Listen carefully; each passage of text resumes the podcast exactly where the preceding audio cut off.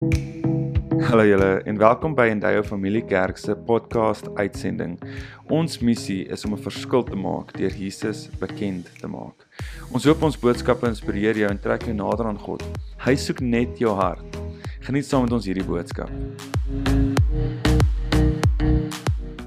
Ons is nou besig om so 'n bietjie in te gaan en te fokus oor die vasproses waardeur Jesus ook gegaan het. En een van die goeters wat vir my baie treffend is in hierdie gedeelte is identiteit. En ek wil jou die vraag vra: Wie is jy? Wie is jy? As jy moet stil raak en net vir 'n oomblik dink, maar wie is jy? Is jy jou talente? Is jy wat jy doen? Um wie is jy as 'n persoon? Wat 'n insident gebeur so 12 jaar terug, um en dit het actually media nuus gemaak waar 'n man aangeraand is en stikkend geslaan is agter 'n Burger King en waar hulle hom gekry het en hom hospitaal toe gevat het. Maar toe het hulle agtergekom dat hierdie man totale geheue verlies het. Hulle die Engelse woord daarvoor is amnesia. Hy kan glad nie onthou wie hy is, waar hy vandaan kom en selfs nie eers sy naam nie. Hulle het probeer toe alles in hulle in hulle vermoë om hierdie persoon se identiteit te bepaal. En hulle kry vir Dr. Full involved. Ons almal ken hom. Hy het miljoene kykers op TV, maar niemand kom om hom om te identifiseer nie. Um hulle het selfs die FBI betrokke gekry, privaat speders, miljoene dollars ingesit om hierdie man se identiteit te probeer opspoor, maar hulle kon hom nog steeds nie opspoor nie. En iemand het nie net gekom en hom seer gemaak nie, maar iemand het sy identiteit van hom af gesteel. Die duiwel is konstant besig om te probeer om jou identiteit te steel. En ons kry 'n gedeelte in Matteus 4 vers 1 tot 7 waar Jesus gelei was deur die Heilige Gees om in die woestyn in te gaan. En ons gaan 'n bietjie praat oor hierdie teksgedeelte. Die gedeelte lees in Matteus 4 vers 1 tot 7 waar dit sê: Toe is Jesus deur die Gees die woestyn ingelei om deur die duiwel versoek te word. 40 dae en 40 nagte het hy niks geëet nie en naderhand het hy honger geword. Die versoeker het toe gekom en vir hom gesê: As u die seun van God is, sê hierdie klippe moet brood word. Maar hy antwoord: Daar staan geskrywe: 'n Mens leef nie net van brood nie, maar van elke woord wat uit die mond van God kom. Daarna neem die duiwel hom na 'n heilige stad toe en laat hom op die hoogste punt van die tempel staan en sê vir hom: As u die seun van God is, spring af. Daar staan mos geskrywe: Hy sal sy engele oor jou opdrag gee en op hulle hande sal hulle jou dra, sodat nie jou voete teen 'n klip sal stamp nie. Jesus sê vir hom: Daar staan ook geskrywe: Jy mag die Here jou God nie op die proef stel nie. So in hierdie gedeelte sien ons baie duidelik hoe Satan kom en probeer om Jesus aan te val oor sy identiteit. Hy gebruik die woorde as u die seun van God is. So hy maak dit amper 'n vraagteken vir Jesus. Maar ons weet almal natuurlik dat Jesus die seun van God is. Maar Satan, die bose een, die leenaar, weet dat as hy vir Jesus van die pad kan aflei oor sy identiteit, dan kan Jesus dit verloor om te doen waarvoor hy gekom het. Maar Jesus val nie daarvoor nie. Hy gaan terug na God se woord toe waar hy sy identiteit kry, waar hy net weer eens besef ek is hier vir 'n doel en dit is om vir die mensdom te sterf. Maar in ons eie lewe sal ons agterkom, veral in hierdie vastyd, gaan jy agterkom hoe Satan gaan kom en jou identiteit gaan begin aanval. Het die Here regtig vir jou gesê om te vas? Moet jy regtig deur hierdie moeilike tyd gaan wat jy hierdie goeters opgee? Kan jy nie miskien eers van hierdie goeters weer begin doen nie? Maar as jy weet dat God met jou gepraat het, dat hy wil hê jy moet vas en bid en saam met hom tyd spandeer, gaan dit baie keer oor die feit dat hy sy identiteit wil kom terugbou binne in jou lewe in. Maar maar waar kom ons identiteit vandaan? Hoe vorm ons ons identiteit in ons lewe? Dit is so belangrik om dit te weet, want dan kan ons begin om ons identiteit weer te bou op Christus en sy woord. By baie van julle is jou identiteit gesteel en miskien besef jy dit nie eers nie. En wanneer jou identiteit gesteel word, dan veroorsaak dit dat jy na 'n plek kom van vrees. En wanneer jy vrees het in jou lewe, dan begin jy afdwaal van God se plan wat hy vir jou het. Daar's 'n nuwe program wat opgekom het en wat baie mense op die oomblik na kyk. My kinders is veral mal daaroor. Maar um dis op Mnet en die program se naam is The Masked Singer. Nou die eerste keer toe ek dit sien, dink ek myself dis baie simpel. Dis basies hierdie sangers wat op um dress na verskillende karakters toe. Um een persoon is die son, 'n ander persoon is byvoorbeeld uh, hulle noem dit 'n thing, dis hierdie harige kreatuur met hierdie groot oë. Maar jy kan nie sien wie die persoon is in hierdie masker nie. En elkeen van hierdie persone sing ding dan as 'n kompetisie en dan kom hulle en hulle vote vir elkeen van hierdie persone. Maar hulle kry amper hulle eie identiteit wat hulle vir hulle self skep as die son of die spinnekop of of wat ook al. En mense moet raai, maar wie is hierdie persoon wat binne in hierdie kostuum is? En hulle sal dit doen deur verskillende leidrade te gebruik wat hulle vir die uh, gehoor gee sodat die gehoor kan probeer uitfigure maar wie is hierdie persoon? En in die einde dan as hulle klaar nou gestem het vir die persoon wat hulle graag wil hê moet die masker afhaal, dan sal almal skree take off the mask, take off the mask en die, hulle sal in skok staan en kyk maar wie is hierdie persoon.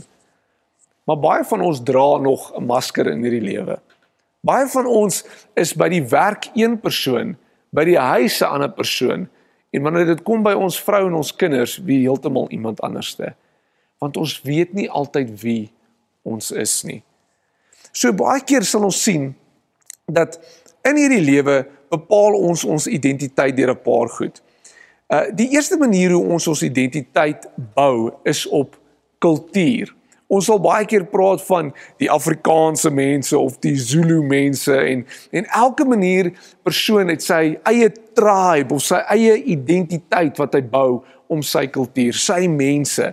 Uh het, die Chinese het 'n manier om dinge te doen. Die Italianers het 'n sekere manier om dit te doen. En selfs wanneer jy aan daai mense dink, dan kom daar sekere gedagtes van hulle kos of hoe hulle dinge doen in jou kop op. Maar baie keer dan identifiseer ons onsself met hierdie kulture. Maar hierdie kulture sal baie keer in die pad staan van wat God wil doen want ons hou baie keer meer vas aan hierdie identiteite, hierdie tribes, hierdie kulture as wat ons vashou aan die identiteit van God. My my vrou en my kinders is Engels en ek is nou weer baie Afrikaans. Maar die Afrikaanse mense, ons as Afrikaanse mense het ons eie kultuur en maniere van van dinge doen en en Engelse maniere uh, mense het weer hulle eie kultuur en maniere hoe hulle dinge doen. En nou die dag sê iemand vir my, weet jy wat, maar hoekom praat jou kind so baie Engels? Hoekom praat hy nie Afrikaans nie? Maar ek sê vir myself, weet jy wat, al praat my kind Engels, dit maak nie saak nie, solank as wat hy Jesus dien. Baie keer in ons eie lewe sal ons soveel vashou in ons kultuur, die boerevolk en al hierdie goeters dat dat ons sal mis dat ons eintlik almal onder een kultuur behoort te staan en dit is Jesus Christus. Hoor wat sê hierdie skrifgedeelte in 1 Petrus 2 vers 9. Dit sê: "Julle daarenteen is die uitverkore volk, 'n koninklike priesterdom, 'n nasie wat vir God afgesonder is, die eiendomsvolk van God." Die volk wat die verlossingsdade moet verkondig van hom wat julle uit die duisternis geroep het na 'n wonderbare lig. Julle was vroeër geen volk nie, maar nou is julle die volk van God. Julle het toe geen barmhartigheid ontvang nie, maar nou het God aan julle barmhartigheid bewys. So wat sê hierdie skrifgedeelte? Ons is 'n uitverkore volk, 'n priesterdom. Ons is nou nie net Italiaans of Afrikaans of Engels of Portugees nie. Nee, ons is deel van Jesus Christus se uitverkore volk. Die wêreld het 'n sekere manier om dinge te doen, maar ons nuwe identiteit onder Jesus Christus het 'n ander manier van dinge doen. Ons is juis veronderstel om buite ons kultuur uit te staan en te doen wat Jesus sê ons moet doen. Die volgende manier hoe ons ons identiteit baie keer bou, is deur ons vermoë of ons talente. Daar is niks verkeerd met ons vermoë of ons talente wat ons vir God gee nie. Maar baie keer sal ons ons identiteit bou oor wat ons kan doen of hoe goed ons in sport is of hoe slim ons is of hoe goed ons gitaar kan speel of of hoe goed ons kan teken en ons begin ons identiteit om dit bou. Ons bou ons identiteit baie keer oor ons talente wanneer dit kom by ons werk. Ek is 'n 'n ingenieur of 'n dokter of ek is 'n prokureur en die samelewing sal sê, "Maar jy is baie belangrik omdat jy hierdie sekere talente in jou lewe het." Maar God sê baie duidelik dat dit nie jou identiteit moet bepaal nie. Veral mans sal baie keer hulle identiteit om hulle werk sit.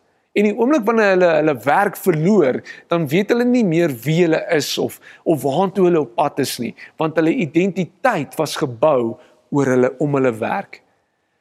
Maar hoor wat sê die skrif vir ons hierso. Dit sê Galasiërs 6 vers 14. Dit sê: "Maar wat my betref, mag God verhoed dat ek ooit oor iets anders roem as die oor die kruis van ons Here Jesus Christus, wat deur die kruis is die wêreld vir my dood en ek is vir die wêreld. So wat hierdie skrifgedeelte vir ons sê is, is dat ons so versigtig moet wees dat ons nie ons identiteit bou oor ons talente of ons vermoëns nie, maar dat ons ons sal vestig op Jesus Christus. Wat is jy die oomblik as jy jou vermoë of jou talente verloor? Kom ons sê ons jy kan nie meer jou werk doen as 'n prokureur of 'n dokter. Um wie is jy dan? Is jy maar net jou talente of is jy wat Christus sê jy is? Baie keer sal jy sien hoe selfs vir al mans wanneer hulle werk verloor, dan verloor hulle hulle totale purpose en identiteit.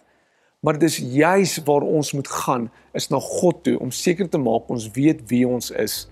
Want hy sê ons moenie roem op wat ons doen nie, maar op wie hy is en wat hy vir ons gedoen het. 'n Ander manier wat ons baie keer ons identiteit op sal bou is deur wat mense van ons dink of sê. Wat mense van ons dink of sê is baie keer vir ons baie belangrik. Ons sal baie keer sê, ja, maar dit is nie belangrik nie, maar ons kry onsself waar ons by die huis dink, maar hoekom het daai persoon dit van my gesê of of hoekom het daai persoon my so afgekraak? En dit sal baie keer leuns veroorsaak in ons lewe wat bepaal dat ons na 'n baie donker plek toe gaan. Miskien het iemand vir jou gesê hoe sleg jy is um en dat jy niks beteken nie en jy dit daai leuns in jou lewe aangeneem. Jy het begin glo. En nou begin jy probeer met alles binne jou vermoë om mense gelukkig te hou. Jy wil net hê dat almal van jou moet hou. En as jy dan met hulle tyd spandeer dan is jy hierdie een persoon saam met jou vriende by die kroeg. By die huis is jy 'n ander persoon en by die werk is jy hierdie hierdie streng baas want jy wil net almal probeer gelukkig hou. Jy het amper hierdie masker wat jy voor almal opsit. Maar Jesus sê dat jy is goed genoeg net soos wat jy is. En jy moenie elke keer hierdie strewe binne in jou hê om mense te probeer gelukkig hou nie, maar eerder vir God en om hom gelukkig te probeer hou. Hoor gelaas wat sê Galasiërs 1 vers 10. Dit sê klink dit nou asof ek die guns van mense soek of soek ek die guns van God? Probeer ek by mense in die guns kom as ek nog steeds die guns van mense soek, sou ek geen dienaar van Christus wees nie. Moet nooit jou identiteit by mense probeer soek nie. Die laaste manier wat ons baie keer ons identiteit probeer soek, is deur ons motivering. Wat motiveer jou? Wat dryf jou vorentoe?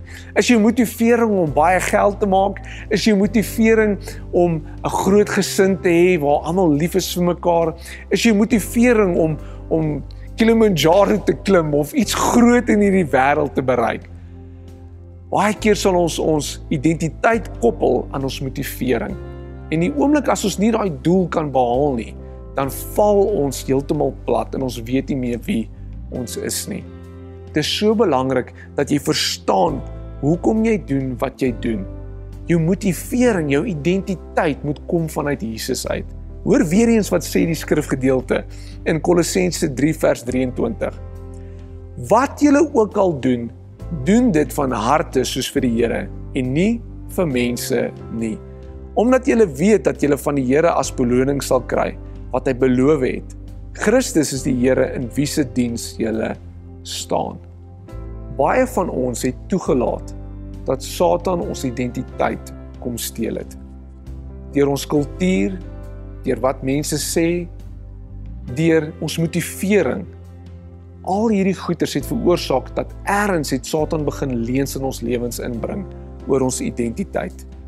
En miskien sit jy op die oomblik in 'n plek van vrees en jy weet nie wat die toekoms hou nie want jy het vergeet wie jy is. Jy is 'n kind van God. Hy is onsaglik lief vir jou. God se woord sê dat hy altyd saam met jou sal wees en hy wil net die beste vir jou hê. Blaise Pascal, hy was 'n in die 16de eeu, hy was 'n wetenskaplike uh, wis, groot wiskundige en 'n filosoof filosoof filosoof. Kom ek sê dit reg? Filosoof. En hy het die volgende woorde gesê. Hy sê Not only do we not know God except through Jesus Christ. We do not even know ourselves except through Jesus Christ. In Christus, die woord word 145 keer gebruik in die Bybel. So dit beteken in Christus vind jy jou identiteit.